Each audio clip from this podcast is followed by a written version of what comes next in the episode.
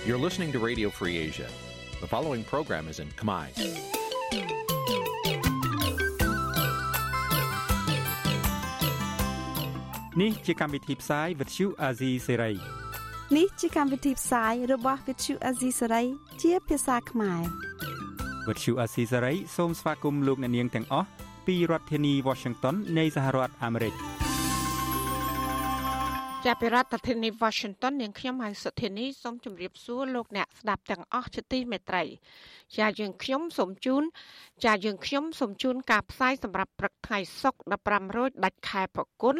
ឆ្នាំឆ្លូវត្រីស័កពុទ្ធសករាជ2565ហើយដល់ត្រូវនៅថ្ងៃទី1ខែមេសាគ្រិស្តសករាជ2022ជាដំបូងនេះសូមអញ្ជើញលោកអ្នកនាងកញ្ញាស្ដាប់ព័ត៌មានប្រចាំថ្ងៃដែលមានមេត្តាដូចតទៅ thank you នាយករដ្ឋមន្ត្រីហ៊ុនសែននិងមេដឹកនាំរដ្ឋបហាយោធាលោកមីនអងឡាំងគ្រងជួបគ្នាតាមប្រព័ន្ធវីដេអូប្រធានសហជីពលោកអាត់ធុនថារដ្ឋាភិបាលផាត់ចោលពួកគាត់រឿងយុទ្ធសាស្ត្រអភិវឌ្ឍវិស័យកាត់ដេរអ្នកខ្លំមើលការបោះឆ្នោតជំរុញឲ្យកោជបស៊ើបអង្កេតបន្ថែមបណ្ដឹងលុបបញ្ជីឈ្មោះបេក្ខជនបកនយោបាយ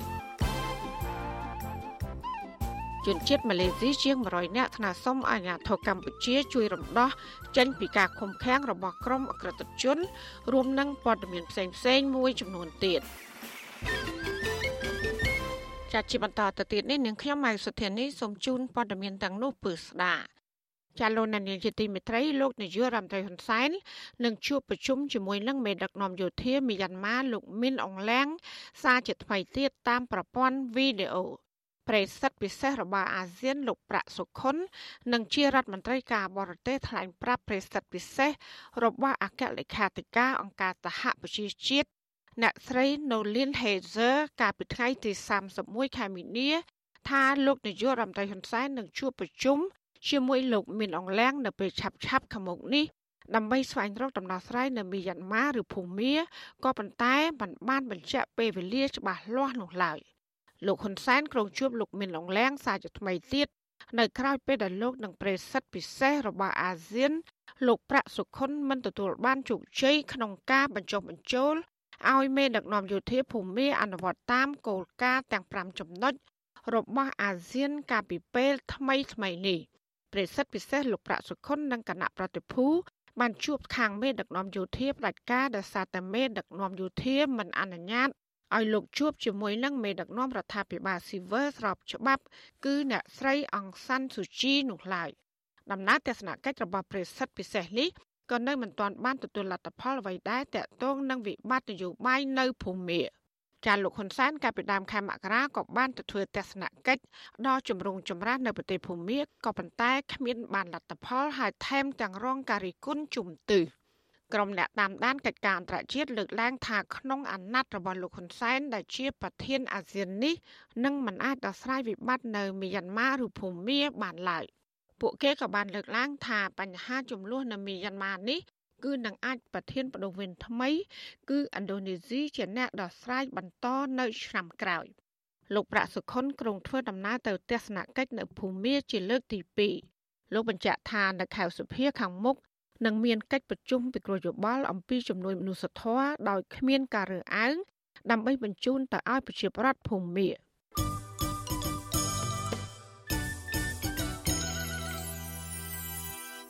ចាលោកនានីជាទីមេត្រីប្រធានសហភាពការងារកម្ពុជាលោកអាត់ធុនថារដ្ឋាភិបាលបានផាត់ចោលពួកគាត់ដែលធ្វើឲ្យតំណាងសហជីពមិនមានឱកាសចូលរួមពិភាក្សានិងផ្ដល់យោបល់ជំវិញយុទ្ធសាស្ត្រអភិវឌ្ឍវិស័យកាត់ដេរសម្រាប់ឆ្នាំ2022ដល់ឆ្នាំ2027ចាប់ពីរដ្ឋធានី Washington លោកមួងណារ៉េតរីកាព័ត៌មាននេះ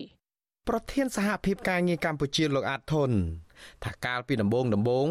រដ្ឋាភិបាលអនុញ្ញាតឲ្យខាងសហជីពចូលរួមពិភាក្សារឿងនេះបានខ្លះដែរក៏ប៉ុន្តែក្រោយៗមកពលគឺក្នុងរយៈពេល2ឆ្នាំចុងក្រោយនេះជាពិសេសនៅក្នុងសម័យ COVID-19 ពួកលោកត្រូវគេផាត់ចោល លោកបន្តថាយុទ្ធសាស្ត្រអភិវឌ្ឍវិស័យកាត់ដេរនេះមានសារៈសំខាន់នៅក្នុងការចូលរួមចំណែកលើកកម្ពស់និរន្តរភាពនៅក្នុងវិស័យឧស្សាហកម្មកាត់ដេរលោកបន្ថែមថាកន្លងមកអង្គការអន្តរជាតិខាងការងារឬហៅកាត់ថា ILO បានស្រាវជ្រាវកាលពីឆ្នាំ2017រកឃើញថាបើកម្ពុជាមិនកែតម្រង់វិស័យកាត់ដេរបច្ចុប្បន្ននេះទេនោះនឹងមានផលវិបាកកើតឡើងសម្រាប់កម្មករលោកអាតធុនបន្ថែមថាផលវិបាកធំបំផុតសម្រាប់កម្មករនោះគឺនៅក្នុងរយៈពេល10ឆ្នាំខាងមុខនេះ កម្ពុជានឹងបាត់បង់ការងារនិងឱកាសវិនិយោគរហូតដល់ទៅ70%បើទោះបីជាលោកសោកស្ដាយដែលតំណាងសហជីពត្រូវបានរដ្ឋាភិបាលផាត់ចោលយ៉ាងនេះក្តីក៏លោកអាត់ធុនសាទរចំពោះការដាក់ចេញនូវយុទ្ធសាស្ត្រនេះដែរព្រោះលោកសង្កេតឃើញថាខ្លឹមសារនៃយុទ្ធសាស្ត្រនេះមានចំណុចវិជ្ជមានជាច្រើនក្របខ័ណ្ឌគោលនយោបាយគេធ្វើការកែតម្រង់អំពីលុបបំបត្តិនៅកាយឡៃធិបតេយ្យកាត់បន្ថយនៅភាពស្មុគស្មាញការនាំចេញនាំចូលឬក៏ការចុះបញ្ជីអីហ្នឹងហើយ លើកទឹកចិត្តវិនិយោគហើយកាត់បន្ថយនៅថ្លៃដើមផលិតអគិសនីទឹកភ្លើងជាដើមប្រតិកម្មរបស់តំណាងសហជីពឯករាជ្យរូបនេះធ្វើឡើងក្រោយពីក្រសួងសេដ្ឋកិច្ចនិងហិរញ្ញវត្ថុកាលពីថ្ងៃទី21ខែមីនាប្រកាសដាក់ឲ្យអនុវត្តជាផ្លូវការនៅយុទ្ធសាស្ត្រអភិវឌ្ឍវិស័យកាត់ដេរផលិតស្បែកជើងនិងកាបូបកម្ពុជា សម្រាប់ឆ្នាំ2022ដល់ឆ្នាំ2027 ក្រសួងសេដ្ឋកិច្ចនិងហិរញ្ញវត្ថុអះអាងទៀតថាយុទ្ធសាស្ត្រអភិវឌ្ឍវិស័យកាត់ដេរនេះមានគោលបំណងធ្វើឲ្យវិស័យកាត់ដេរទៅជាឧស្សាហកម្មមានភាពប្រកួតប្រជែងខ្ពស់ក្រសួងចាត់ទុកវិស័យនេះជាវិស័យអាទិភាពមួយក្នុងការរួមចំណែកយ៉ាងខ្លាំងក្លាដល់ការអភិវឌ្ឍសង្គមសេដ្ឋកិច្ចកម្ពុជាក្រសួងបន្ថែមថាវិស័យកាត់ដេរបន្តឈរនៅលំដាប់ទី1នៃការនាំចេញសរុបរបស់កម្ពុជា ហើយការនាំចេញនេះគឺដោយសារតែកម្ពុជាបានទទួលប្រព័ន្ធអនុគ្រោះពន្ធទូទៅ ក្រសួងបន្ថែមថាវិស័យកាត់ដេរបានចូលរួមទ្រទ្រង់ជីវភាពរស់នៅរបស់ប្រជាពលរដ្ឋខ្មែរយ៉ាងហោចណាស់ពី2លានកន្លះទៅ3លាននាក់ដែលកំពុងតែអាស្រ័យផលដោយផ្ទាល់និងដោយប្រយោលបើទោះបីជាយ៉ាងនេះក្តីក្រសួងមិនបានបញ្ជាក់អំពីយន្តការដំឡើងប្រាក់ឈ្នួលរបស់កម្មករដែលខាងសហជីពត្អូញត្អែថានៅមានកម្រិតតិចតួចស្រួយស្ដាងមិនសមស្របទៅនឹងតម្រូវការនៃជីវភាពប្រចាំថ្ងៃរបស់កម្មករនោះឡើយ ជាងនេះទៅទៀតបញ្ហាសិទ្ធិការងារនិងសិទ្ធិសេរីភាពរបស់សហជីពឯករាជ្យក៏មិនមានរៀបរាប់នៅក្នុងយុទ្ធសាស្ត្រអភិវឌ្ឍវិស័យកាត់ដេរនេះនោះដែរវិទ្យុអាស៊ីសេរីមិនទាន់អាចសុំការបំភ្លឺពីអ្នកនាំពាក្យក្រសួងសេដ្ឋកិច្ចនិងហិរញ្ញវត្ថុជំវិញការមិនហៅតំណាងសហជីពឯករាជ្យឲ្យចូលរួមនៅក្នុងកិច្ចពិភាក្សាអំពីយុទ្ធសាស្ត្រអភិវឌ្ឍវិស័យកាត់ដេរនេះនិងបញ្ហាប្រាក់ឈ្នួលនិងសិទ្ធិការងារបាននៅឡើយទេកន្លងមកប្រទេសកម្ពុជារងទណ្ឌកម្មពីសហភាពអឺរ៉ុប ដែលដកប្រព័ន្ធការអនុគ្រោះពន្ធ EBA 20%ដែលត្រូវបានអនុវត្តចាប់តាំងពីខែសីហាឆ្នាំ2020ក្រោយគណៈកម្មការអឺរ៉ុបរកឃើញការរំលោភសិទ្ធិមនុស្សនិងសិទ្ធិការងារនិងការបំផ្លាញប្រជាធិបតេយ្យធ្ងន់ធ្ងរនៅកម្ពុជាមិនតែប៉ុណ្ណោះសហរដ្ឋអាមេរិក ដែលបានថ្កោលទោសនិងដាក់ទណ្ឌកម្មមន្ត្រីរដ្ឋាភិបាលលហ៊ុនសែនជាបន្តបន្ទាប់នៅតែមិនទាន់បញ្ជាក់ជំហររបស់ខ្លួននៅឡើយជំវិញថាតើអាមេរិកនឹងបន្តផ្ដល់ប្រព័ន្ធការអនុគ្រោះពន្ធ GSP ដល់កម្ពុជាឬយ៉ាងណា ក្រោយដាច់ពីឆ្នាំមកហើយខ្ញុំបាទមុងណារ៉េត With Shu Asisari ប្រធានាធិបតី Washington ចាលោកនានីជាទីមេត្រីតកតងនឹងកម្មកររោងចក្រនេះដែរនៅឯខេត្តស្វាយរៀងឯនោះវិញ កម្មករកម្មការិនីរោងចក្រ18នាក់រងរបួសស្រាលនិងធ្ងន់ដោយសារគ្រោះថ្នាក់ចរាចរណ៍ក្រឡាប់រថយន្តកាលពីយប់ថ្ងៃទី30ខែមីនាដែលស្ថិតនៅក្នុងភូមិត្រពាំងកំពឹសស្រុកកំពង់រោគ្រោះថ្នាក់ចរាចរណ៍នេះបណ្ដាលមកពីរថយន្តម៉ាក Hyundai ដឹកកម្មករកម្មការិនីរោងចក្រ 68នាក់បានវ៉ាជែងជាមួយនឹងរថយន្តមួយគ្រឿងទៀតបណ្ដាលឲ្យរថយន្តនោះផ្អៀងធ្លាក់ចិញ្ចើមថ្នល់តាមផ្លូវជាតិលេខ334នៅត្រង់ភូមិត្រពាំងកំពឹសអធិការនគរបាលស្រុកកំពង់រោលោកហែមសមុទ្របានប្រាប់កាសែតក្នុងស្រុកថាអ្នករងរបួសធ្ងន់ស្រាលទាំង18នាក់នោះគឺមានបរិសម្នាក់ត្រូវបានរថយន្តសង្គ្រោះដឹកយកទៅព្យាបាលនៅមន្ទីរពេទ្យបង្អែកស្រុកស្វាយទាប ចំណែកឯអ្នករបួសធ្ងន់2នាក់កំពុងសម្រាប់ព្យាបាលនៅមន្ទីរពេទ្យនៅឡើយហើយអ្នករងរបួសស្រាលបានវិលត្រឡប់ទៅផ្ទះវិញអស់ហើយរីឯអ្នកបើកបររថយន្តឈ្មោះមឹករតនាអាយុ24ឆ្នាំពុំមានរបួសទេក៏ប៉ុន្តែបានរត់គេចខ្លួនបាត់ពីកន្លែងកើតហេតុក្រោយពីគ្រោះថ្នាក់ចរាចរណ៍រួចមករបាយការណ៍របស់ក្រុមការងារសវត្ថិភាពចរាចរណ៍ផ្លូវគោកសម្រាប់គាំពៀកម្មករនយោជិតនៃបេឡាជាតិសន្តិសុខសង្គមបានឲ្យដឹងថា ក្នុងឆ្នាំ2020គ្រោះថ្នាក់ចរាចរណ៍បានកើតឡើងលើកម្មករនយោជិតចំនួនជិត2000ករណីក្នុងនោះគឺមានអ្នកស្លាប់88នាក់និងអ្នករបួសជាង2000នាក់ចារបាយការណ៍ដដែលថាបើប្រៀបធៀបឆ្នាំ2019គឺគ្រោះថ្នាក់ចរាចរណ៍ដែលកើតឡើងមកលើកម្មករនយោជិត មានការថយចុះរហូតដល់ទៅជាង31%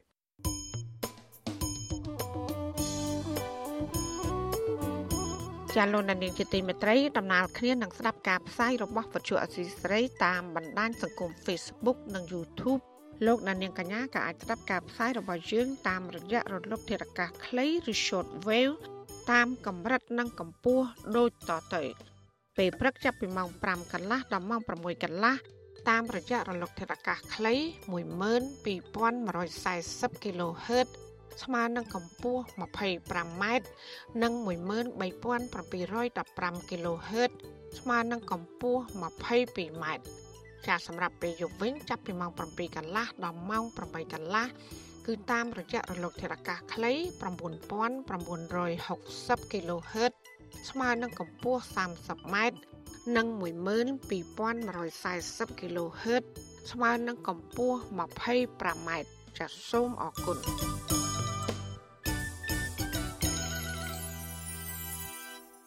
ចាលោកនានីជាទីមេត្រីមន្ត្រីសង្គមស៊ីវិលនិងអ្នកធ្វើការងារផ្នែកបរិស្ថាន លើកឡើងថាការធ្វើអាជីវកម្មរ៉ែមាសគឺជាផ្នែកមួយជួយជំរុញកំណើនសេដ្ឋកិច្ចកម្ពុជាប៉ុន្តែពួកគេបារម្ភថាបើការគ្រប់គ្រងខ្វះតម្លាភាពនិងមិនបានគិតគូរពីផលប៉ះពាល់បរិស្ថាននោះទេអាជីវកម្មមួយនេះនឹងបង្កផលប៉ះពាល់ដល់សុខភាពប្រជាពលរដ្ឋនិងបរិស្ថាន។ ក្តីបារម្ភនេះកើតឡើងក្រោយដែលលោកនាយករដ្ឋមន្ត្រីហ៊ុនសែនអះអាង ថាកម្ពុជាកំពុងកាក់កបនឹងអាជីវកម្មរ៉ែមាសហើយកំពុងពង្រីកកន្លែងជីករ៉ែមាសបន្ថែមទៀតចាអ្នកស្រីខែសំណងរាយការណ៍ព័ត៌មាននេះដូចតទៅ មន្ត្រីសង្គមស៊ីវិលនិងអ្នកធ្វើការងារផ្នែកបរិស្ថានសង្កេតឃើញថារដ្ឋាភិបាលមិនទាន់បានបង្ហាញព័ត៌មានពេញលេញជុំវិញការយកថវិកាពីអាជីវកម្មរ៉ែមាសទៅធ្វើអ្វីដើម្បីបម្រើប្រយោជន៍សង្គមជាតិនិងពលរដ្ឋនៅឡើយទេពួកគេក៏នៅមិនទាន់ឃើញមានការបង្ហាញដែរថាអាជីវកម្មនេះបង្កផលប៉ះពាល់ដល់ពលរដ្ឋនិងបរិស្ថាននៅតំបន់ជុំវិញកន្លែងធ្វើអាជីវកម្មនេះបែបណានោះដែរ។ នាយកប្រតិបត្តិនៃអង្គការដំឡាភិបកម្ពុជាលោកប៉ិចពិសីសង្ឃឹមថាចំណូលដែលទទួលបានអាជីវកម្មរ៉ែមាសអាចក្លាយជាប្រភពចំណូលថ្មីបន្ថែមទៀតពីការប្រមូលពន្ធនិងការវិនិយោគផ្សេងផ្សេងទៀតរបស់កម្ពុជា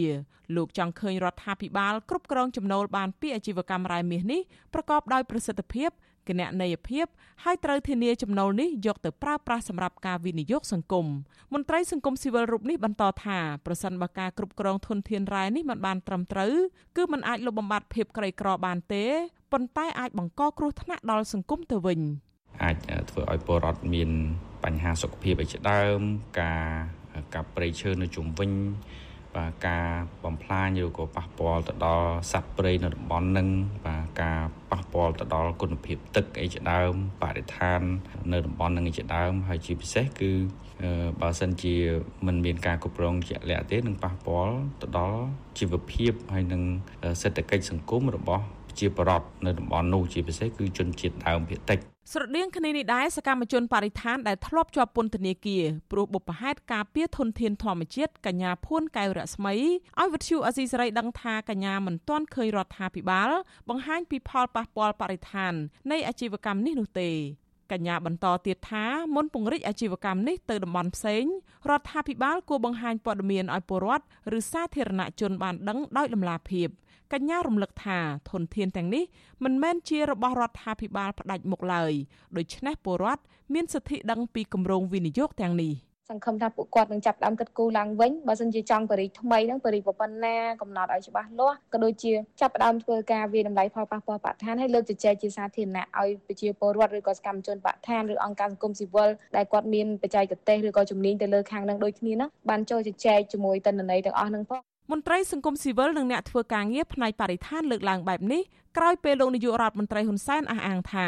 កម្ពុជាកំពុងកាក់កបនឹងរបររ៉ែមាសលោកឲ្យដឹងទៀតថាត្រឹមរយៈពេល9ខែដំបូងនៃការធ្វើអាជីវកម្មរ៉ែមាសនៅតំបន់អូខ្វៅខេត្តមណ្ឌលគិរី កម្ពុជាអាចផលិតមាសជាង2000គីឡូក្រាមក្នុងនោះអាចចម្រាញ់មាសសុទ្ធបានជាង2តោនហើយសល់ពីនេះអាចផលិតជាប្រាក់ និងលង្ហិនជាដើមលោកបន្តថាពេលនេះកំពុងមានការរុករករ៉ែមាសនៅតំបន់ផ្សេង ដើម្បីទាញធនធានទាំងនេះយកមកបំពេញតម្រូវការរបស់ប្រទេសជាតិ9ខែយើងផលិតមាសបាន2275គីឡូវាទៅជាកាត់កបអីទៅវិញអាហ្នឹងគ្រាន់តែគិតមកកន្លែងទេនៅមិនតាន់គិតកន្លែងផ្សេងទៅទៀតទៀតអញ្ចឹងយើងក៏ចាប់ផ្ដើមប្រើប្រាស់នៅធនធានធម្មជាតិរបស់យើងមួយចំណែកដែលយើងបាននឹងកំពុងរុករក លោកហ៊ុនសែនថ្លែងដូចនេះនៅក្នុងពិធីដាក់ឲ្យប្រើប្រាស់ស្ពានអាកាសនិងផ្លូវក្រោមដីចោមចៅ កាលពីព្រឹកថ្ងៃទី31ខែមិនិនាលោកហ៊ុនសែនក៏ទទួលស្គាល់ដែរថារដ្ឋាភិបាលគ្រប់គ្រងចំណូលនៃការបូមប្រេងមិនបានល្អហើយប្រេងដែលបូមបានក៏ត្រូវគេលួចដឹកចេញពីកម្ពុជាថែមទៀតផង អគ្គនាយកនៃអគ្គនាយកដ្ឋានទ្រព្យសម្បត្តិរដ្ឋនិងចំណូលមិនមែនសារពើពន្ធនៃក្រសួងសេដ្ឋកិច្ចលោកណេតមនីឲ្យប្រព័ន្ធឃោសនាលោកហ៊ុនសែនដឹងថាពេលនេះមានក្រុមហ៊ុនធ្វើអាជីវកម្មរ៉ែមាសចំនួន7ហើយដែលបានទទួលអាជ្ញាប័ណ្ណពីរដ្ឋទោះយ៉ាងណាមន្ត្រីសម្របសម្រួលគម្រោងការផ្ដាល់សិទ្ធិអំណាចដល់យុវជននិងអ្នកតស៊ូមតិដើម្បីយុត្តិធម៌សង្គមនិងបរិស្ថាននៃសមាគមបណ្ដាញយុវជនកម្ពុជាហៅកាត់ថា CYN លោកម៉ៅច័ន្ទអារាយល់ថានៅពេលផ្ដល់អាជ្ញាប័ណ្ណធ្វើអាជីវកម្មនេះទៅឲ្យក្រុមហ៊ុនណាមួយរដ្ឋាភិបាលគួរផ្សព្វផ្សាយឲ្យបានទូលំទូលាយព្រោះលោកសង្កេតឃើញថាមានក្រុមឈ្មួញខ្លះបានរុករករ៉ែមាសដោយអាណាធិបតេយ្យនៅខេត្តមណ្ឌលគិរី និងតំបន់មួយចំនួនទៀតលោកថាប្រជាពលរដ្ឋខ្មែរសុទ្ធតែចង់ដឹងថារដ្ឋាភិបាលយកថវិកាដែលបានពីអាជីវកម្មរ៉ែមាសនេះធ្វើអ្វីខ្លះនិងមានដំណាភាពដែរឬទេខ្ញុំចង់មើលឃើញអីថ្នាក់ដឹកនាំបាទបើកតលាយបន្ថែមទៀតទៅលើអីការសម្រេចចិត្តដោយមានដាក់ឲ្យមានអីនៅពេលដែលមានកម្រងអភិវឌ្ឍផ្សេងផ្សេងទៅចូលមកអីក្រុមប្រឹក្សាអភិវឌ្ឍជាតិអីគួរតែមានការបែងចែកឬមួយក៏ការចែករំលែកព័ត៌មានទៅដល់សាធារណជនក៏ដូចជាអ្នកដែលធ្វើការពាក់ព័ន្ធឲ្យបានតលាយជាងនេះជាពិសេសគឺការផ្ដល់អាជ្ញាប័ណ្ណតែម្ដង មន្ត្រីសង្គមស៊ីវិលនិងអ្នកធ្វើការងារផ្នែកបរិស្ថានបារម្ភថាបើរដ្ឋាភិបាលគ្រប់គ្រងការធ្វើអាជីវកម្មរ៉ែមាសមិនបានល្អនឹងធ្វើឲ្យរដ្ឋបាត់ចំណូលចំណែកធនធានធម្មជាតិក៏ត្រូវបំផ្លាញដែលអាចធ្វើឲ្យអាជីវកម្មមួយនេះជួបហានិភ័យដោយការបូមប្រេងដែរចា៎នាងខ្ញុំខែសុណងវັດឈូអាស៊ីសេរីរាយការណ៍ពីរដ្ឋធានី Washington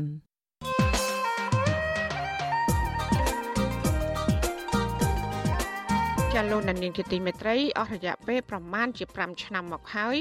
ដែលតឡាការនិងរដ្ឋាភិបាល បានចោទប្រកាន់លោកកឹមសុខាថាក្បត់ជាតិហើយត្រូវរើជាមួយនឹងរដ្ឋបរទេស ក្នុងការប៉ុនប៉ងផ្ដួលរំលំរដ្ឋាភិបាលតឡាការបានបើកដំណើរការរឿងក្តីនេះជាច្រើនឆ្នាំមកហើយក៏ប៉ុន្តែមកដល់ពេលនេះតឡាការនៅមិនទាន់ក៏ហៅរដ្ឋបរទេសណាមួយមកសាកសួរពាក់ព័ន្ធនឹងការចោទប្រកាន់នេះនៅឡើយ។ សហមេធាវីលោកកឹមសុខាកំពុងពិចារណាស្នើឲ្យតុលាការកោះហៅតំណាងរដ្ឋបរទេសមកឆ្លើយបំភ្លឺនៅចំពោះមុខតុលាការពាក់ព័ន្ធនឹងការចោទប្រកាន់នេះដើម្បីបញ្ជាក់ពីការពិតផង និងស្វែងរកយុត្តិធម៌ជូនកូនក្តីរបស់លោកផងដែរតើសំណើរបស់សហមេធាវីលោកកឹមសុខាអាចជំរុញរឿងក្តីក្តាំនេះឈានចូលទៅក្នុងរបបថ្មីមួយឬក៏យ៉ាងណា លោកអ្នកនាងនឹងបានស្ដាប់ការបកស្រាយទៅនឹងសំណួរនេះដោយផ្ទាល់នៅក្នុងវេទិកាអ្នកស្ដាប់វិទ្យុអសីស្រីនៅយប់ថ្ងៃសុក្រនេះចាលោកអ្នកនាងអាចសាកសួរវាគ្មិនរបស់យើងឬក៏បញ្ចេញមតិយោបល់សូមលោកអ្នកនាងដាក់លេខទូរស័ព្ទរបស់លោកអ្នកនាងនៅក្នុងខ្ទង់ comment Facebook ឬ YouTube របស់វិទ្យុអសីស្រីក្រុមការងាររបស់យើងនឹងហៅទៅលោកអ្នកនាងវិញចាសូមអរគុណ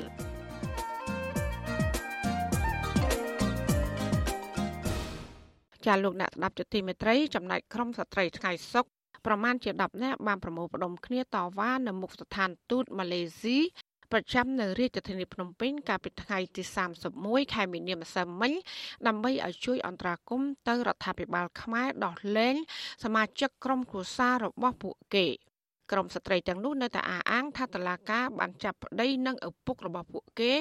ដាក់ពន្ធនាគារដោយអយុត្តិធម៌ ចាលោកទីនសាការីយ៉ារីកាព័ត៌មាននេះ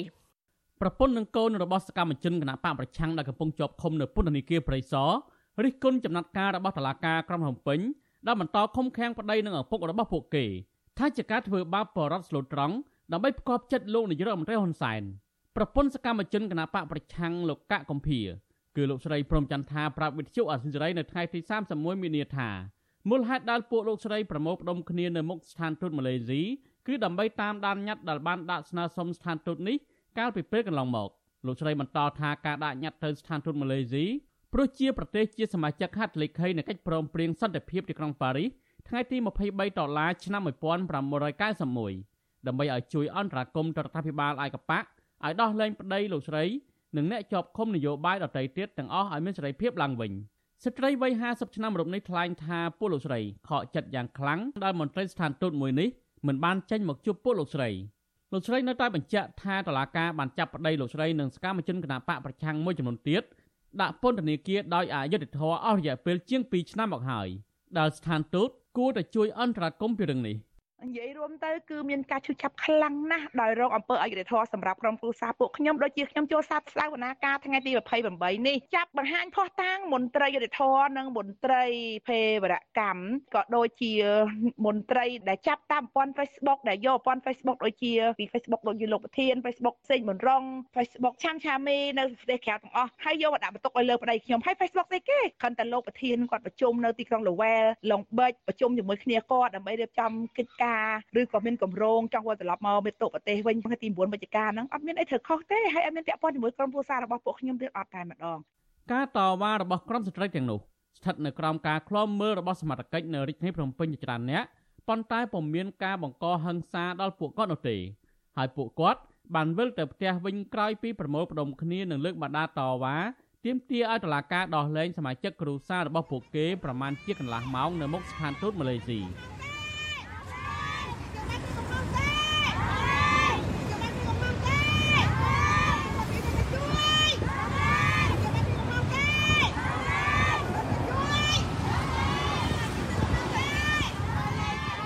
នៅរសៀលថ្ងៃដដែលនេះមានក្រុមស្ត្រីថ្ងៃសុកចំនួន3នាក់បាននាំគ្នាទៅសួរសុខទុក្ខប្តីនៅពន្ធនាគារប្រៃសណបន្តទៀតលោកស្រីព្រំចន្ទថាឲ្យដឹងថាប្តីរបស់លោកស្រីធ្លាក់ខ្លួនឈឺនិងមានស្ថានភាពស្គមស្គាំងហើយបានត្អូញត្អែប្រាប់លោកស្រីថាខ្វះទឹកប្រើប្រាស់នៅក្នុងពន្ធនាគារក្រុមស្ត្រីទាំងនោះនឹងបន្តស្វែងរកកិច្ចអន្តរាគមន៍ទៅស្ថានទូតនិងស្ថាប័នដទៃទៀតរហូតដល់តុលាការដោះលែងប្តីនិងឪពុករបស់ពួកគេឲ្យមានសេរីភាពឡើងវិញ។ វិទ្យុអាស៊ីសេរីមិនអាចតាក់ទងប្រធានសាលាដំបងរាជធានីភ្នំពេញលោកតាំងសុនឡាយដើម្បីសូមអធិប្បាយជំវិញនឹងការតវ៉ារបស់ក្រុមស្ត្រីទាំងនេះបានដល់ឡាយទេនៅថ្ងៃទី31មីនាជុំវិញនឹងរឿងនេះអ្នកនាំពាក្យសមាគមការពារសិទ្ធិមនុស្សអាត់ហុកលោកសង្សានករណាមើលឃើញថាការតវ៉ាជាបន្តបន្ទាប់របស់ក្រុមស្ត្រីទាំងនេះទទួលបានលទ្ធផលខ្លះៗពីស្ថានទូតប្រទេសលោកសេរីលោកបន្តថាស្ថានទូតខ្លះបានចេញសេចក្តីថ្លែងការណ៍រិះគន់ចំណាត់ការរបស់អាជ្ញាធរ ដែលបានចាប់ខ្លួនសកម្មជននយោបាយទាំងនោះដាក់ពន្ធនាគារថាជាការធ្វើទុកបុកម្នេញផ្នែកនយោបាយនិងដើរចាកឆ្ងាយពីកន្លងប្រជាធិបតេយ្យចំពោះការចាប់ខ្លួនសកម្មជនទាំងនោះវិញលោកសង្សានករណានៅតែយល់ថាជារឿងនយោបាយដែលតុលាការគួរតែដោះលែងពួកគេឲ្យមានសេរីភាពឡើងវិញ។ ថ្មីថ្មីនេះអ្នករាយការណ៍ពិសេសរបស់អង្គការសហជីវជាតិលោកនៅតែបន្តសេចក្តីរាយការណ៍អំពីស្ថានភាពសិទ្ធិមនុស្សនៅកម្ពុជាយើងនឹងគឺកំពុងតែដើរថយក្រោយនិងរងការរដ្ឋបិទទៅលើសេរីភាពទាំងនេះជាខ្លាំងជាពិសេសខាងសិទ្ធិពលរដ្ឋនិងនយោបាយនឹងឯងអញ្ចឹងបញ្ហាប៉ះពាល់មកដល់កម្ពុជានៅលើឆាកអន្តរជាតិនៅតែបន្តកើតមានឡើងពីព្រោះសេចក្តីថ្លែងការណ៍ទាំងអស់នេះវាមានឥទ្ធិពលណាស់ជាមួយនឹងបណ្ដាប្រទេសលោកសេរីគេទទួលយកមកគិតមកពិចារណាអាចនឹងមានវិធានការផ្សេងផ្សេងមកលើរដ្ឋាភិបាលកម្ពុជាទៀតបើសិនជាមិនកែសម្រួលអំពីអរិយាប័ត្ររបស់ខ្លួនចំពោះការគោរពសិទ្ធិមនុស្សនិងប្រជាធិបតេយ្យបច្ចុប្បន្ននេះមានសកម្មជនគណបកប្រឆាំងនៅអ្នកបញ្ចេញមតិរិះគន់រដ្ឋាភិបាលប្រមាណជា50នាក់កំពុងជាប់ឃុំនៅពន្ធនាគារព្រៃសរក្នុងនោះសកម្មជនមួយចំនួនត្រូវបានតុលាការក្រុងភ្នំពេញកាត់ក្តីដាក់ពន្ធនាគារចំនួន5ឆ្នាំប៉ុន្តែឲ្យអនុវត្តទោស3ឆ្នាំ8ខែហើយទោសនៅសល់ត្រូវព្យួរនិងសកម្មជនចំនួនទៀតកំពុងដាក់ដំណើរការរឿងក្តីក្តាំ ពីបទញុះញង់រួមគំនិតក្បត់និងញុះញង់មិនឲ្យយោធិនស្ដាប់បង្គាប់ពាក់ព័ន្ធនឹងដំណើរមេត្តាភូមិនិវត្តរបស់លោកសំរងស៊ីកាលពីចុងឆ្នាំ2019និងយុទ្ធនាការបង្កើតចលនាសង្គ្រោះជាតិនៅក្រៅប្រទេសកាលពីឆ្នាំ2018អង្គការសង្គមស៊ីវិលជាតិនិងអន្តរជាតិជាច្រើនស្ថាប័នចាត់ទុករឿងក្តីនេះថាជាការធ្វើទុកបុកម្នេញផ្នែកនយោបាយ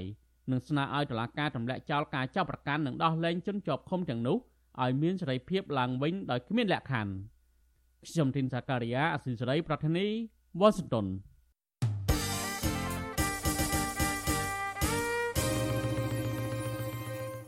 លោកដានៀងកញ្ញាកំពុងស្ដាប់ការផ្សាយរបស់វិទ្យុអាស៊ីសេរីផ្សាយចេញពីរដ្ឋធានី Washington គណៈបញ្ញយោបាយនិងអ្នកខ្លំមើលការបោះឆ្នោតជំរុញឲ្យកោជបបន្ថែមការស៊ើបអង្កេតឲ្យបានត្រឹមត្រូវចំពោះបណ្ដឹងរបស់បរដ្ឋនិងបេក្ខជនឈរឈ្មោះរបស់គណៈបកប្រជាជនកម្ពុជាដែលនាំឲ្យមានការលុបឈ្មោះបេក្ខជន និងលុបឈ្មោះបញ្ជីបេក្ខជនរបស់គណៈបកនយោបាយផ្សេងផ្សេងទៀតនៅតាមបណ្ដាឃុំសង្កាត់មួយចំនួន ចាំមន្ត្រីកោជបបញ្ជាក់ថាកោជបអនុវត្តការងារទៅតាមទួលនីតិនិងភារកិច្ចដែលច្បាប់កំណត់ចាសសេចក្តីរាយការណ៍ពីស្ដាមពីរឿងនេះលោកណានៀងនឹងបានស្ដាប់នាពេលបន្តិចទៀតនេះចាសសូមអរគុណ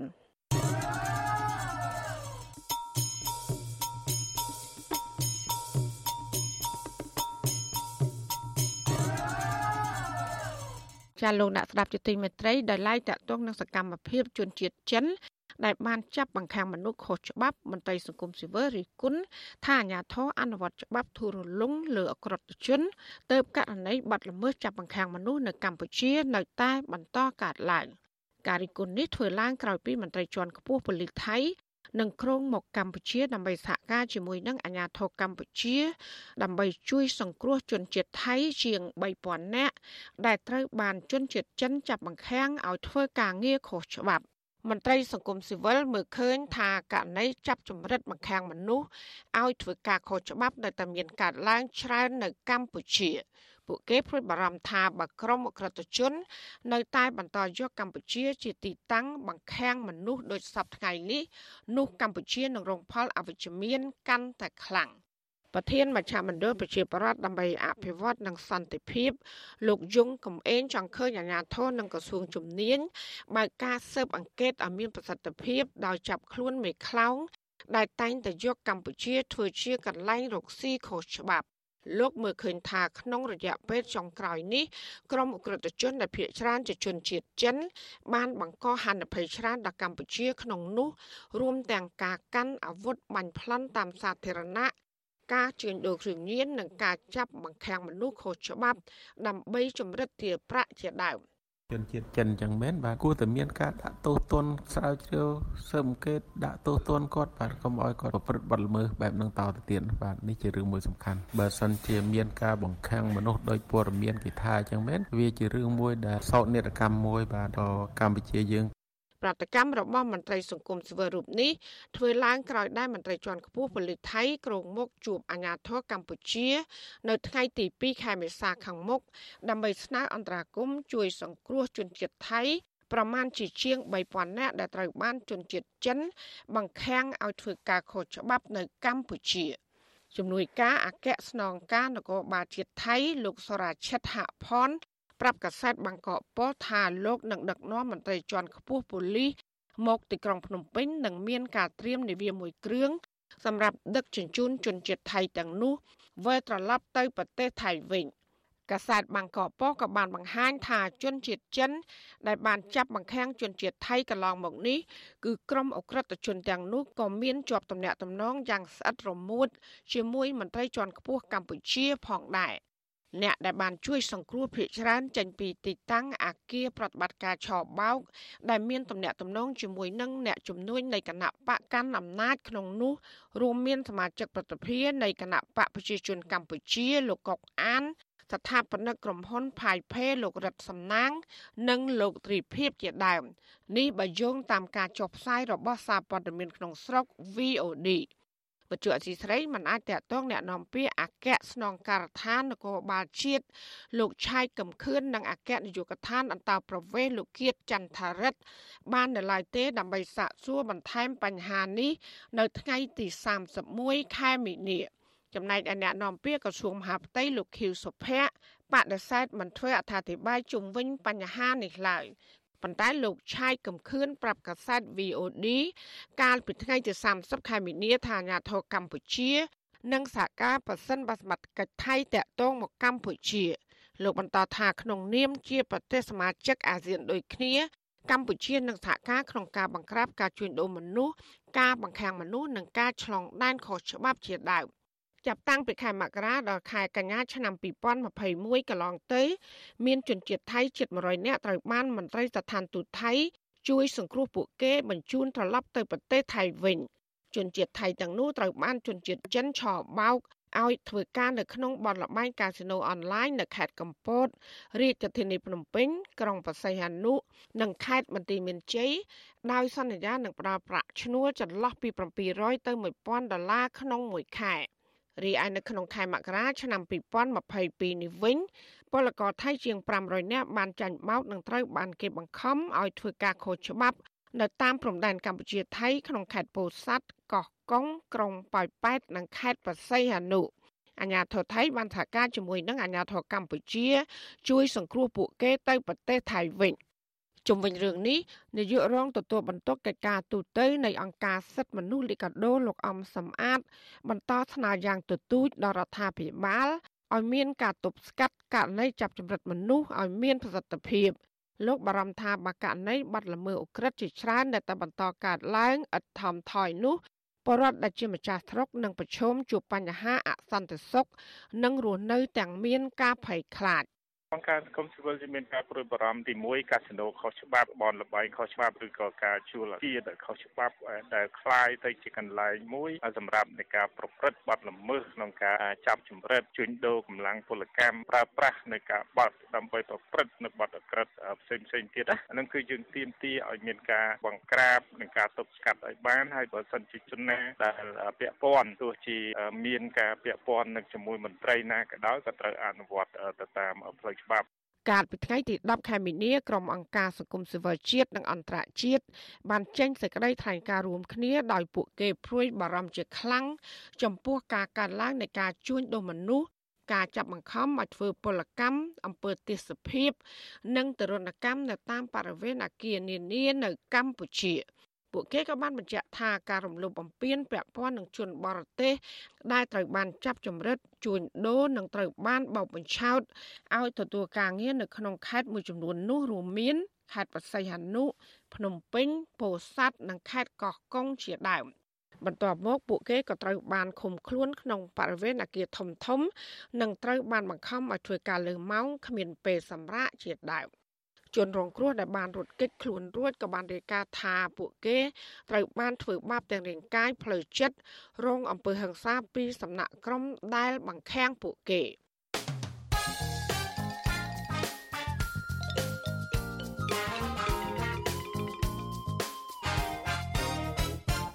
លោកនានីជាទីមេត្រីពាក់ព័ន្ធនឹងការបង្ខាំងមនុស្សខុសច្បាប់នេះដែរ ជនជាតិម៉ាឡេស៊ីជាង100នាក់កំពុងស្នើសុំជំនួយពីអាជ្ញាធរឲ្យសង្គ្រោះពួកគេ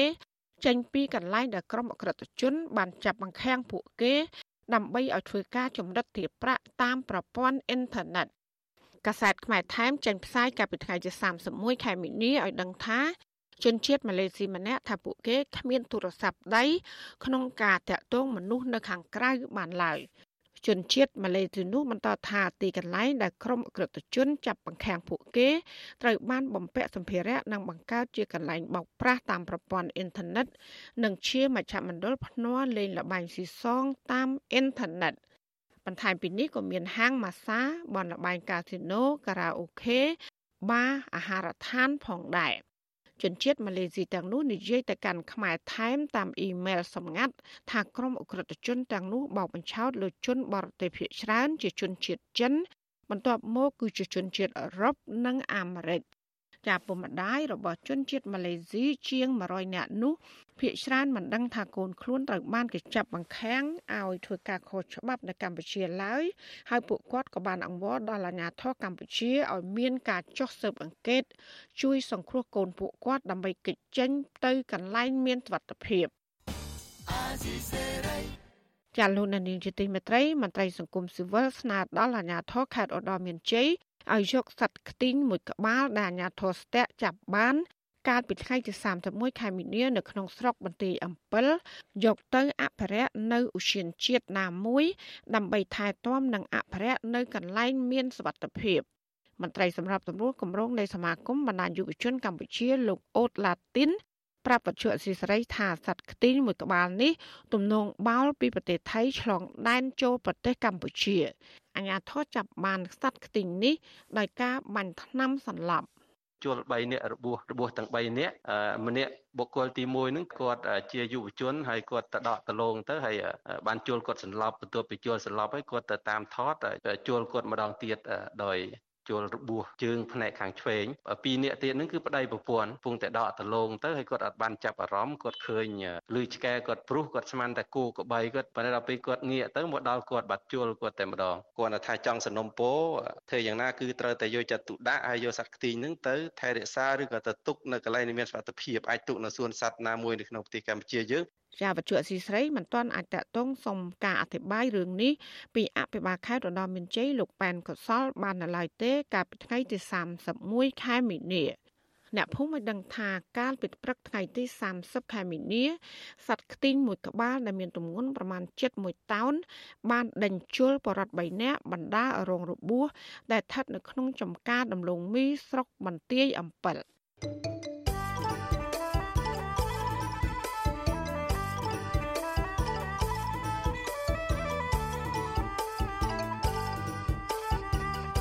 ចាលោកនាងកញ្ញាកំពុងស្ដាប់ការផ្សាយរបស់វិទ្យុអសីស្រីផ្សាយចេញពីរដ្ឋធានី Washington ពជាសហគមន៍ប្រៃឡង់អះអាងថាបរដ្ឋនៅមូលដ្ឋាន និងប្រជាប្រដ្ឋចំនួនស្រុករាប់រយនាក់កំពុងសម្រុកកាប់ឈើមានតម្លៃនិងទន្ទ្រានព្រៃរៀនយកដីកាន់តែខ្លាំងក្នុងដែនចម្រោកសត្វប្រៃឡង់នៅក្នុងខេត្តក្រចេះនិងខេត្តស្ទឹងត្រែងដោយគ្មានការទប់ស្កាត់ តើមូលហេតុអ្វីបានជាអាញាធរបណ្ដោយអបរដ្ឋទាំងនោះប្រព្រឹត្តបទល្មើសព្រៃឈើតាមតែអំពើចិត្តចាសសេចក្តីរាយការណ៍ពីរឿងនេះលោកណានៀងក៏នឹងបានស្ដាប់នាពេលបន្តិចទៀតនេះចាសសូមអរគុណ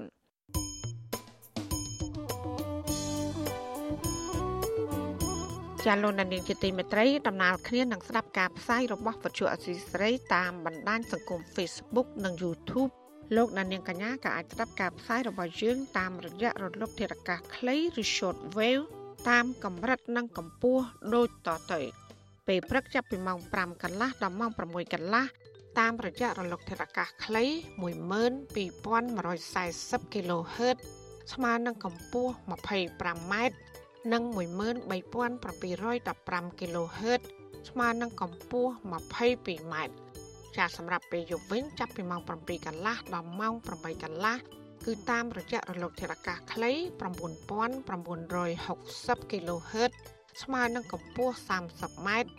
និង12140 kHz ស្មើនឹងកម្ពស់ 25ម៉ែត្រចាសសូមអរគុណ ចាលោកនានីជាទីមេត្រីក្រុមអ្នកអភិរក្សក្នុងគម្រោង USAID ព្រៃឡង់បៃតង បានចាប់ផ្ដើមសកម្មភាពការពារត្រពាំងសំខាន់សំខាន់ចំនួនជាង100នៅក្នុងដែនជម្រកសត្វព្រៃប្រះរកាគូលែនព្រំប្រទេសនិងឆែបនិងនៅតំបន់បេតិកភណ្ឌធម្មជាតិភ្នំគូលែនការងារទៅរកការពារត្រពាំងសំខាន់សំខាន់ទាំងនេះគឺដើម្បីការពារការប្រមាញ់សត្វព្រៃដ៏ខុសច្បាប់នៅក្នុងរដូវប្រាំង គម្រោង USAID ប្រៃឡង់បៃតងនេះបានផ្សាយនៅលើទំព័រ Facebook របស់ខ្លួនកាលពីថ្ងៃទី29ខែមីនាថាអ្នកប្រមាញ់តែងតែដាក់ថ្នាំបំពុលអន្ទាក់និងមង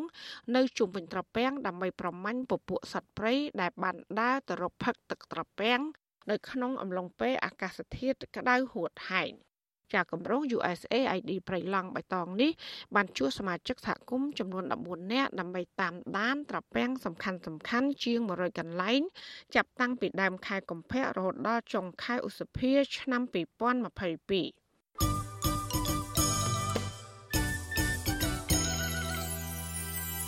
ពាក់ព័ន្ធនឹងជំងឺ Covid-19 វិញក្រសួងសុខាភិបាលរកឃើញករណីឆ្លងជំងឺ Covid-19 ចំនួន40នាក់បន្ថែមទៀត ដែលសុទ្ធតែជាមេរោគប្រភេទថ្មីអូមីក្រុងហើយនឹងជាករណីឆ្លងក្នុងសហគមន៍ក៏ប៉ុន្តែมันមានករណីស្លាប់នោះទេនៅថ្ងៃដដែលនេះគិតត្រឹមព្រឹកថ្ងៃទី31ខែមីនាកម្ពុជាមានអ្នកកើតជំងឺ Covid-19 សរុបជាង135,000នាក់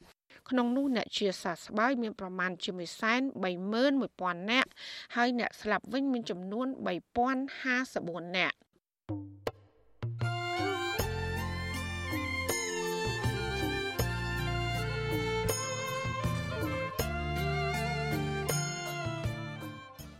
លោកដានៀងជាទីមេត្រីគណៈបកនយោបាយនិងអ្នកខ្លាំមើលការបោះឆ្នោតជំរុញឲ្យកោជបបន្ថែមការស៊ើបអង្កេតឲ្យបានត្រឹមត្រូវ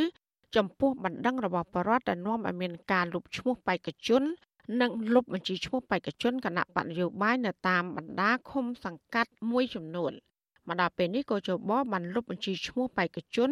នៅតាមឃុំសង្កាត់មួយចំនួនរបស់គណៈបកចំនួន3 ចាមន្ត្រីគណៈបកទាំងនោះអះអាង ថាការនេះអាចជាយុទ្ធសាស្ត្រជាប្រព័ន្ធរបស់អាជ្ញាធរមូលដ្ឋាន នៃគណៈបកកណ្ដាលអំណាចនៅពេលដែលកោជបហាក់ដូចជាបានចូលរួមចំណែកតាមរយៈសេចក្តីសម្រេចដែលមិនបានឆ្លងកាត់ការស៊ើបអង្កេតឲ្យបានត្រឹមត្រូវពីភាគីពាក់ព័ន្ធតែទោះជាយ៉ាងនេះក្តីមន្ត្រីកោជបបញ្ជាក់ថាកោជប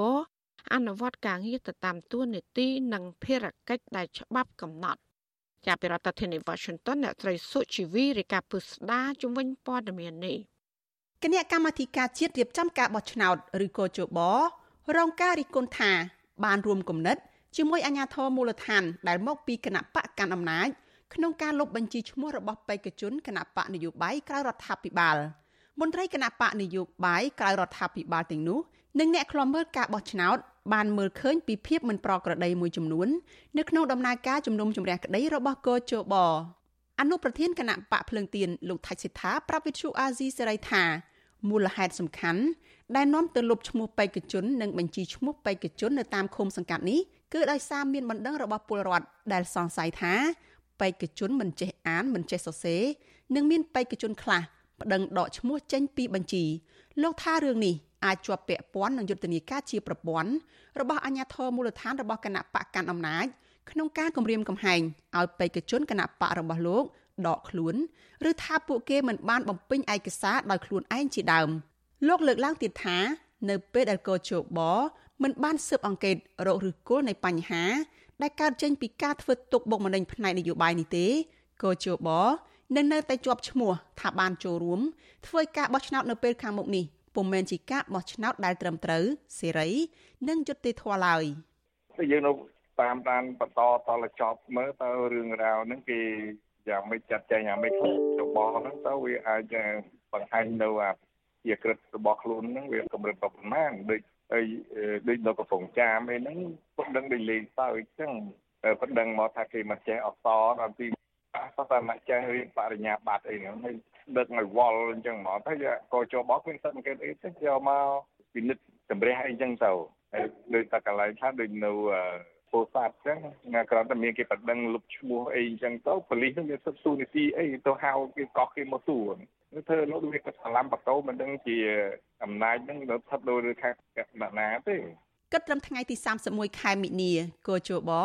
បានសម្រេចលុបបញ្ជីឈ្មោះបេក្ខជនឈរឈ្មោះបោះឆ្នោតក្រុមប្រឹក្សាគុំសង្កាត់របស់គណៈបកនយោបាយចំនួន3ហើយក្នុងនោះរួមមានគណៈបកភ្លើងទៀនគណៈបកឆន្ទៈខ្មែរនិងគណៈបកសម្បុកឃុំសង្គមប្រជាធិបតេយ្យក្នុងនោះដែរកោជបបានសម្រេចលុបបញ្ជីឈ្មោះបេក្ខជនគណៈបកភ្លើងទៀនចំនួន7ឃុំសង្កាត់គឺនៅសង្កាត់ទួលស្វាយព្រៃទី1ក្នុងខណ្ឌបឹងកេងកង សង្កាត់ផ្សារដើមគោក្នុងខណ្ឌទួលគោកសង្កាត់មនោរមក្នុងខណ្ឌដូនពេញ និងសង្កាត់ព្រែកលៀបនៅក្នុងខណ្ឌជ្រោយចង្វា និងឃុំកណ្ដៀងក្នុងខេត្តពោធិ៍សាត់សង្កាត់កំពង់ចាមនិងសង្កាត់បឹងកុកនៅក្នុងខេត្តកំពង់ចាមក្រៅពីនេះក៏មានបេក្ខជននៅតាមឃុំសង្កាត់ជាច្រើនទៀតរបស់គណៈបកនេះត្រូវកោជបសម្រាប់លុបចេញពីបញ្ជីដែរ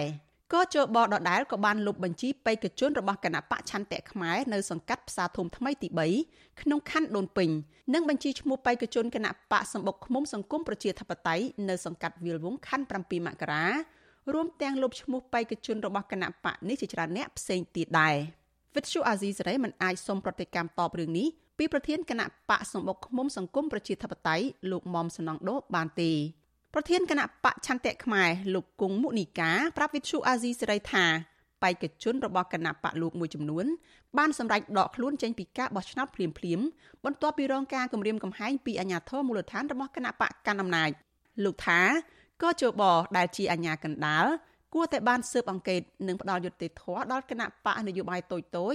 ដែលកំពុងរងការគំរាមកំហែងផ្នែកនយោបាយពីគណៈបកកាន់អំណាច មេភូមិនៅក្នុងសង្កាត់នីមួយៗនោះគឺថាជាអ្នកដែលបង្កមធ្យោបាយងាយស្រួលសម្រាប់ពួកគាត់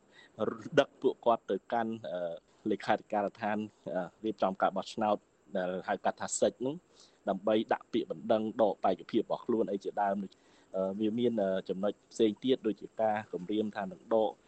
បានក្រីក្រឬក៏មិនទទួលបាននៅការឧបត្ថម្ភកូវីដអីជាដើមតែទាំងអស់នេះសិតតែជាបញ្ហាដែលយើងឃើញថា វាធ្វើឡើងជាលក្ខណៈប្រព័ន្ធក្នុងការបំផិតបំភ័យដល់បេក្ខជនរបស់គណៈបកដែលមាននិន្នាការផ្ទុយពីរដ្ឋាភិបាលបាទមន្ត្រីតស៊ូមតិនិងអង្កេតនៃអង្គការឃ្លាំមើលការបោះឆ្នោត Confrel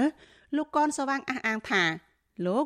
នៅមិនទាន់អាចវិយតម្លៃបាននៅឡើយថាតើចំណាត់ការរបស់កោជបនៅពេលនេះគឺជាយុទ្ធសាស្ត្រជាប្រព័ន្ធឬយ៉ាងណាទេ តែលោកទទួលស្គាល់ថា មានការរាយការណ៍ថាអាញាធរមូលដ្ឋានមួយចំនួនបានគម្រាមកំហែងសកម្មជន ឬបេក្ខជនគណៈបកផ្សេងពីគណៈបកកាន់អំណាចពិសេសគណៈបកភ្លើងទៀនលោកសង្កេតឃើញថាសវនកម្មរបស់កោជបមានភាពមិនប្រក្រតីមួយចំនួន ពិសេសគឺផ្ដោតទៅលើការសង្ស័យរបស់ពលរដ្ឋជាដើមបណ្ដឹងមិនគួរណាលុបបញ្ជីចោលទេពីព្រោះ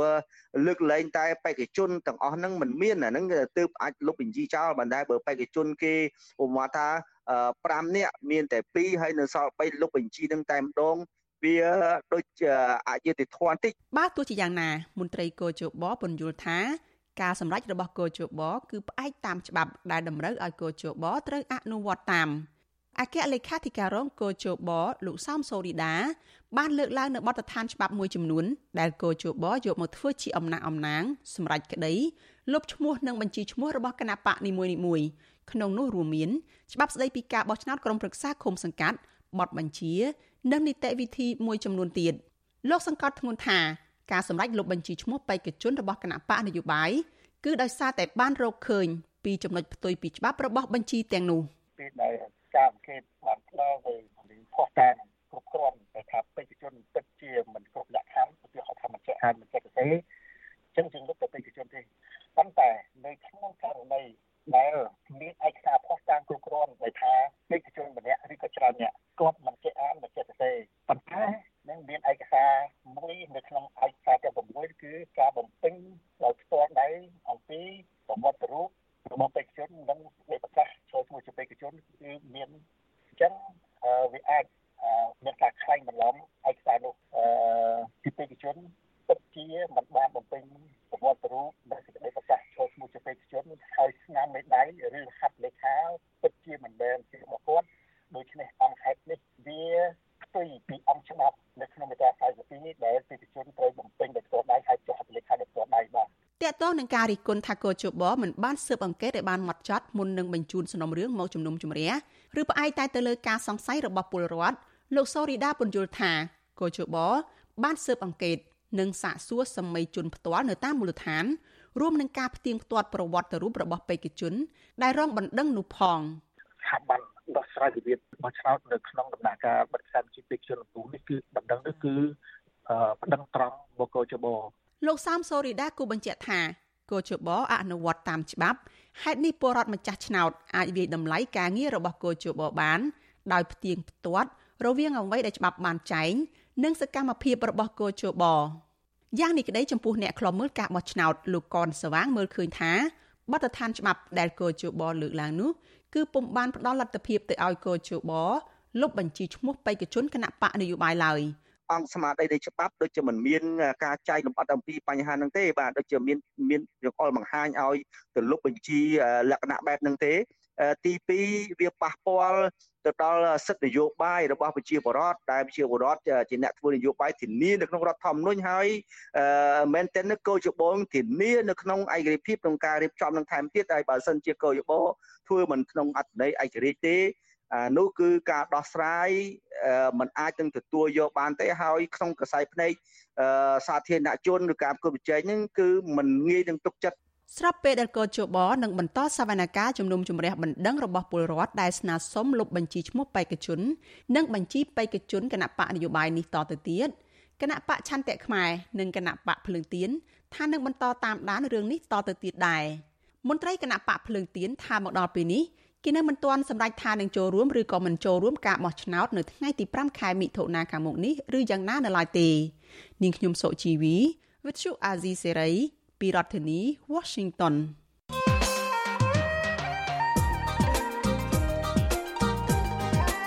ចាលោកនាងជាទីមេត្រីអស់រយៈពេលប្រមាណជា5ឆ្នាំមកហើយដែលតឡាការនិងរដ្ឋាភិបាល បានចោទប្រកាន់លោកកឹមសុខាថាក្បត់ជាតិហើយត្រូវរើជាមួយនឹងរដ្ឋបរទេស ក្នុងការប៉ុនប៉ងផ្ដួលរំលំរដ្ឋាភិបាល តឡាការបានបើកដំណើរការរឿងក្តីនេះជាច្រើនឆ្នាំមកហើយក៏ប៉ុន្តែមកដល់ពេលនេះតឡាការនៅមិនទាន់ក៏ហៅរដ្ឋបរទេសណាមួយមកសាកសួរពាក់ព័ន្ធនឹងការចោទប្រកាន់នេះនៅឡើយសហមេធាវីលោកកឹមសុខាកំពុងពិចារណាស្នើឲ្យតឡាការក៏ហៅតំណាងរដ្ឋបរទេសមកឆ្លើយបំភ្លឺនៅចំពោះមុខតុលាការពាក់ព័ន្ធនឹងការចោទប្រកាន់នេះដើម្បីបញ្ជាក់ពីការពិតផង និងស្វែងរកយុត្តិធម៌ជូនកូនក្តីរបស់លោកផងដែរ តើសំណើរបស់សហមេធាវីលោកកឹមសុខាអាចជំរុញរឿងក្តីក្តាំនេះឈានចូលទៅក្នុងរបបថ្មីមួយឬក៏យ៉ាងណាលោកអ្នកនាងនឹងបានស្ដាប់ការបកស្រាយទៅនឹងសំណួរនេះដោយផ្ទាល់នៅក្នុងវេទិកាអ្នកស្ដាប់វិទ្យុអសីស្រីនៅជប់ថ្ងៃសុក្រនេះចាលោកអ្នកនាងអាចសាកសួរវាគ្មិនរបស់យើងឬក៏បញ្ចេញមតិយោបល់សូមលោកអ្នកនាងដាក់លេខទូរស័ព្ទរបស់លោកអ្នកនាងនៅក្នុងខ្ទង់ comment Facebook ឬ YouTube របស់វិទ្យុអសីស្រី ក្រុមការងាររបស់យើងនឹងហៅទៅលោកអ្នកនាងវិញចាសូមអរគុណចាលោកអ្នកស្ដាប់ទីមេត្រីពជាសហគមន៍ប្រៃឡង់អះអាង ថាបរដ្ឋនៅមូលដ្ឋាននិងបរដ្ឋចំនួនស្រុករាប់រយនាក់កំពុងសម្រុកកាប់ឈើមានតម្លៃនិងទន្ទ្រានព្រៃរៀនយកដីកាន់តែខ្លាំងក្នុងដែនជំរកសត្វព្រៃឡង់ក្នុងខេត្តក្រចេះនិងខេត្តស្ទឹងត្រែងពួកគេអះអាងថាអាញាធរបណ្ដោយឲ្យបរដ្ឋប្រព្រឹត្តបទល្មើស តាមតែអំពើចិត្តនិមន្តការបោះឆ្នោតឃុំសង្កាត់ដោយខ្លាចក្រែងប៉ះពាល់សន្លឹកឆ្នោតរបស់គណៈបកកាន់អំណាចចានេះគឺជាសកម្មភាពពឹស្ដាររបស់លោកមានរិទ្ធជំវិញបញ្ហានេះបណ្ដាញសហគមន៍ព្រៃឡង់និងក្រុមអ្នកឃ្លាំមើលបរិស្ថាន សង្កេតឃើញថាសកម្មភាពកាប់ឈើមានតម្លៃនិងកាប់ព្រៃទន្ទ្រានយកដី នៅក្នុងដែនជម្រកសត្វព្រៃឡង់ធ្វើជាកម្មសិទ្ធិនោះ នៅតែបន្តកើតមានឡើងកាន់តែខ្លាំងនៅរយៈពេលជាង3ខែចុងក្រោយនេះពួកគេអាងថាអាញាធរកំពុងយកព្រៃឈើធ្វើជាធ្នូដោះដូរនឹងស្លឹកឆ្នោត ដោយមិនគិតគូរពីគ្រោះមហន្តរាយព្រៃឈើដែលកំពុងតែកើតមានយ៉ាងកក្រឹកកក្រែងនៅក្នុងតំបន់អភិរក្សសមាជិកសហគមន៍ព្រៃឡង់ខេត្តស្ទឹងត្រែងលោកគង្រីប្រាប់វិសុយស៊ីស្រីនៅថ្ងៃទី31ខែមីនាថាបច្ចុប្បន្នសកម្មភាពកាប់ឈើនិងដឹកជញ្ជូនឈើ កើតមានឡើងយ៉ាងពេញទំហឹងខុសពីថ្ងៃធម្មតាដោយគ្មានការបង្ក្រាបពីសំណាក់អាជ្ញាធរទាល់តែសោះលោកថាស្ទើរតែរៀងរាល់ថ្ងៃមានម៉ូតូយ៉ាងហោចណាស់100គ្រឿងនិងគោយន្ត50គ្រឿងដឹកឈើចេញពីព្រៃឡង់ឆ្លងកាត់ភូមិសាស្ត្រឃុំកាំងចាម និងឃុំសៀមបូកស្រុកសៀមបូកឆ្លងកាត់ទីស្នាក់ការមន្ត្រីបរិស្ថាននិងនគរបាលមូលដ្ឋាន លោកអាងថានគរបាលមន្ត្រីអាវុធហត្ថនិងឆ្មាំអភិរក្សរបស់ក្រសួងបរិស្ថានដែលឈរជើងយាមកាមព្រៃនៅគៀកនឹងព្រៃឡង់មិនអើពើបង្ក្រាបបទល្មើសព្រៃឈើទាំងនេះទេលោកសង្កត់ធ្ងន់ថាក្រុមអ្នកដឹកឈើត្រូវបង់លុយឲ្យសមត្ថកិច្ចតាមស្នាក់ការនីមួយៗទើបអាចដឹកឈើបាន អនាគតទៅព្រៃឈើយើងនឹងអស់បើគ្មានការទប់ស្កាត់នឹងរលាយរត់ហិនហោចអស់ទម្រាំការបោះឆ្នោតនឹងរលាយអស់ដល់ពេលឥឡូវកាលពីមុនយើងមានព្រៃឡង់មានឈើធំធំធំធំអីដល់ពេលឥឡូវយើងកាប់អាធំដកអាធំអស់ទៅជាព្រៃរបស់ទៅវិញមានព្រៃដែរអត់មានឈើផងអត់មានទេបើកាប់យកអាធំធំមកបាត់ហើយដឹកលក់អស់លីងហើយហើយទៅរកឈើនៅណាអាធំបានវាគិតពិចារណាវាហិនហោចផ្លូវផ្សារអស់ប្រជាពលរដ្ឋក៏លក់អាអ្នកធំក៏លក់អ្នកធំក៏ទិញបើគ្មានអ្នកទិញគឺគ្មានអ្នកទៅកាប់ទេសកម្មជនព្រៃឡង់រូនេះ បន្ថែមថាសកម្មភាពកាប់ព្រៃទន្ទ្រានយកដីនៅក្នុងព្រៃឡង់ក្នុងឃុំកាំងចាមឃុំអនុងជ្រៃនិងឃុំចំការលើនៃស្រុកថ្លាបរវត្តនៅតែកើតមានឡើងច្រើនធ្វើឲ្យព្រៃស្រោងជាជំរកសត្វព្រៃនិងព្រៃរបស់បានប្រែក្លាយជាវារហោឋានយ៉ាងឆាប់រហ័សនិងមានព្រៃខ្លះទៀតត្រូវគេអារំលំឈើទុកជាគំនរមិនទាន់ដុតបំផ្លាញចោល។ លោកឲ្យដឹងថាលោកនឿយណាយនឹងរាយការណ៍រឿងនេះប្រាប់ទៅអាជ្ញាធរមូលដ្ឋានព្រោះថាអាជ្ញាធរគ្រប់លំដាប់ថ្នាក់ហាក់ធ្វើមិនដឹងមិនឮចំពោះអ ுக ្រិតកម្មប្រៃឈើនៅក្នុងដែនអភិរក្សស្រដៀងគ្នានេះដែរសមាជិកបណ្ដាញសហគមន៍ព្រៃឡង់ខេត្តក្រចេះលោកហឹមជំនូសង្កេតឃើញថាដើមឈើធំធំប្រភេទឆ្លិចនិងឈើទាលជាដើម នៅក្នុងព្រៃឡង់នៅតែទទួលរងនឹងការកាប់រំលំដឹកចូលការដ្ឋានក្រុមហ៊ុន Sing Biotech ដោយគ្មានការរារាំងលោកបារម្ភថាអាញាធរបាក់ដៃឲ្យពលរដ្ឋកាប់ឈើលក់នៅក្នុងព្រៃឡង់នៅមុនពេលបោះឆ្នោតនេះនឹងធ្វើឲ្យព្រៃឡង់ស្ថិតនៅក្នុងស្ថានភាពគ្រោះថ្នាក់បណ្ដាលឲ្យដើមឈើផលិតជាប់ទឹក និងឈើមានតម្លៃបន្សល់ទុកចុងក្រោយត្រូវវិនិច្ឆ័យហិនហោច សារវាចូល2 3ខែនេះគឺសម្បើមមែនតើខុសប្លែកពីឆ្នាំមុនមុនគឺបោលទៅដឹកនឹងទង្វងទង្វងមកហើយមិនខ្លាចនិយាយរួមទៅតកតងនឹងសមត្ថកិច្ចជំនាញនឹងគឺអត់មានអញើតអត់មានខ្លាចទេសូម្បីតែអ្នកកសែតអ្នកអីគឺក៏អត់ខ្លាចដែរ Visual C ស្រីមិនអាចតាក់ទងមេការក្រុមហ៊ុន Sing Biotech លោកសំណូដើម្បីសុំការឆ្លើយបំភ្លឺជុំវិញការចោទប្រកាន់នេះបាននៅឡើយទេ នៅថ្ងៃទី31ខែមីនា ចំណែកឯអ្នកនាំពាក្យក្រសួងបរិស្ថាន លោកនេតភត្រានិងអ្នកនាំពាក្យគណៈបកប្រជាជនកម្ពុជា លោកសុកអេសានក៏មិនអាចតាក់ទងដើម្បីសុំការអធិប្បាយបានដែរនៅថ្ងៃដដែលនេះក៏ប៉ុន្តែលោកនេតភត្រាធ្លាប់ប្រាប់វិសុយស៊ីស្រីកាលពីខែកុម្ភៈថាបច្ចុប្បន្នស្ថានភាពព្រៃអភិរក្សមានភាពល្អប្រសើរដោយភាពរិចរិលបានធ្លាក់ចុះលោកបញ្ជាក់ថាមន្ត្រីឧទ្យានុរ ក្សកំពុងបំពេញតួនាទីប្រកបដោយការទទួលខុសត្រូវនិងវិជ្ជាជីវៈការពារធនធានធម្មជាតិរីឯអភិបាលស្រុកថ្លាបរវត្តលោកជាសរឿនបានថ្លែងប្រាប់ប្រជាសហគមន៍កាលពីខែកុម្ភៈថាគុំទាន់ផ្ដល់ព័ត៌មានពីបទល្មើសព្រៃឈើទៅប្រព័ន្ធផ្សព្វផ្សាយដែលត្រូវរងចាំការបោះឆ្នោតឃុំសង្កាត់រួចរាល់សិន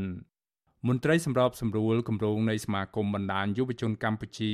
ហៅកាត់ថា CYN ដែលចងអង្កេតរឿងនេះគឺលោកអូតឡាទីន សង្កេតឃើញថានៅពេលដែលពួកលោកនិងប្រជាសហគមន៍រកឃើញបលល្មើសព្រៃឈើភ្ជាប់នឹងភស្តុតាងជាច្រើន ដោយស្នើឲ្យអាជ្ញាធរទប់ស្កាត់អាជ្ញាធរពាក់ព័ន្ធតែងតែឆ្លើយដោះសារយករួចខ្លួនដដែលដដែលដោយគ្មានការស៊ើបអង្កេតនោះឡើយលោកឆ្ងល់ថាតើបច្ចុប្បន្ននេះក្រសួងបរិស្ថាន កំពុងធ្វើកិច្ចការអ្វីខ្លះ ទើបបានជាសកម្មភាពកាប់ឈើនិងទន្ទ្រានព្រៃរៀនយកដីនេះនៅតែកើតមានឡើងដដែលដដែលដោយគ្មានដំណោះស្រាយបែបនេះយើងមានការព្រួយបារម្ភថាបើសិនជាមន្ត្រីរដ្ឋបាល ការពាររបស់ក្រសួងបរិស្ថានជាពិសេសគឺមន្ត្រីវិជានរាជហ្នឹងมันព្រមយកចិត្តទុកដាក់នៅក្នុងការធ្វើការអនុវត្តច្បាប់มันព្រមយកចិត្តទុកដាក់នៅក្នុងការធ្វើកិច្ចអន្តរាគមន៍ឲ្យបានទាន់ពេលវេលាទេបញ្ហាពេលឡងវាមានអីមានតែបាត់បង់នឹងឯងបាត់បង់បន្តបន្ទាប់នឹងឯងហើយដល់ពេលតែបាត់បង់ហើយបានចាញ់មកស្ដារព្រៃឈើដល់ឡើងវិញអានឹងវាហួសពេលគួរតែចាប់ផ្ដើមពីពេលនេះទៅវាអត់ទាន់ហួសពេលទេ ពជាសហគមន៍ព្រៃឡង់បន្ថែមថាបច្ចុប្បន្នបទល្មើសព្រៃឈើនៅក្នុងព្រៃឡង់កើតមានឡើងជាពីរទម្រង់ធំធំ គឺសកម្មភាពកាប់ឈើធំធំមានតម្លៃនិងកាប់ព្រៃទន្ទ្រានយកដី ធ្វើឲ្យព្រៃឡង់វិនិច្ឆ័យហិនហោចពួកគេអាងថាអង្គើពុករលួយ ជាថ្នូវនឹងការឲ្យជនល្មើសរួចខ្លួន បានคล้ายទៅជាទម្លាប់ដដែលដដែលដែលគ្មានដំណោះស្រាយទាល់តែសោះជាច្រើនឆ្នាំមកហើយ។ ព្រៃឡង់ស្ថិតនៅក្នុងចន្លោះខេត្តចំនួន4ដូចជាខេត្តក្រចេះស្ទឹងត្រែងព្រះវិហារនិងខេត្តកំពង់ធំត្រូវបានរដ្ឋាភិបាលប្រកាសបង្កើតជាដែនជម្រកសត្វព្រៃកាលពីថ្ងៃទី9ខែឧសភាឆ្នាំ2016ព្រៃនេះមានផ្ទៃដីជាង400,000ហិកតា ដែលស្ថិតនៅក្រោមការគ្រប់គ្រងរបស់ក្រសួងបរិស្ថានក៏ប៉ុន្តែរបាយការណ៍នានាបង្ហាញថាព្រៃអភិរក្សមួយនេះ បានបាត់បង់ព្រៃឈើអស់ជាច្រើនម៉ឺនហិកតាដោយសារតែការកាប់បំផ្លាញព្រៃឈើនិងការទន្ទ្រានយកដីធ្វើជាកម្មសិទ្ធិខ្ញុំបាទមានរិទ្ធ Visual C ស្រីរាយការណ៍ពីរដ្ឋធានី Washington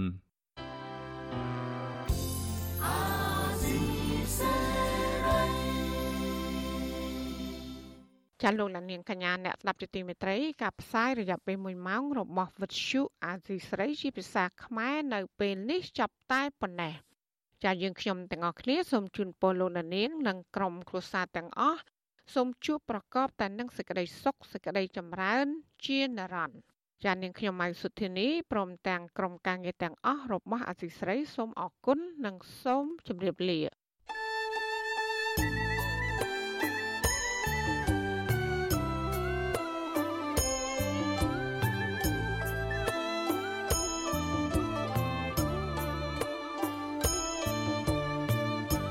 វិទ្យុអេស៊ីសេរីផ្សាយតាមរលក ធាតុអាកាសខ្លីឬ short wave តាមកម្រិតនិងកម្ពស់ដូចតទៅនេះ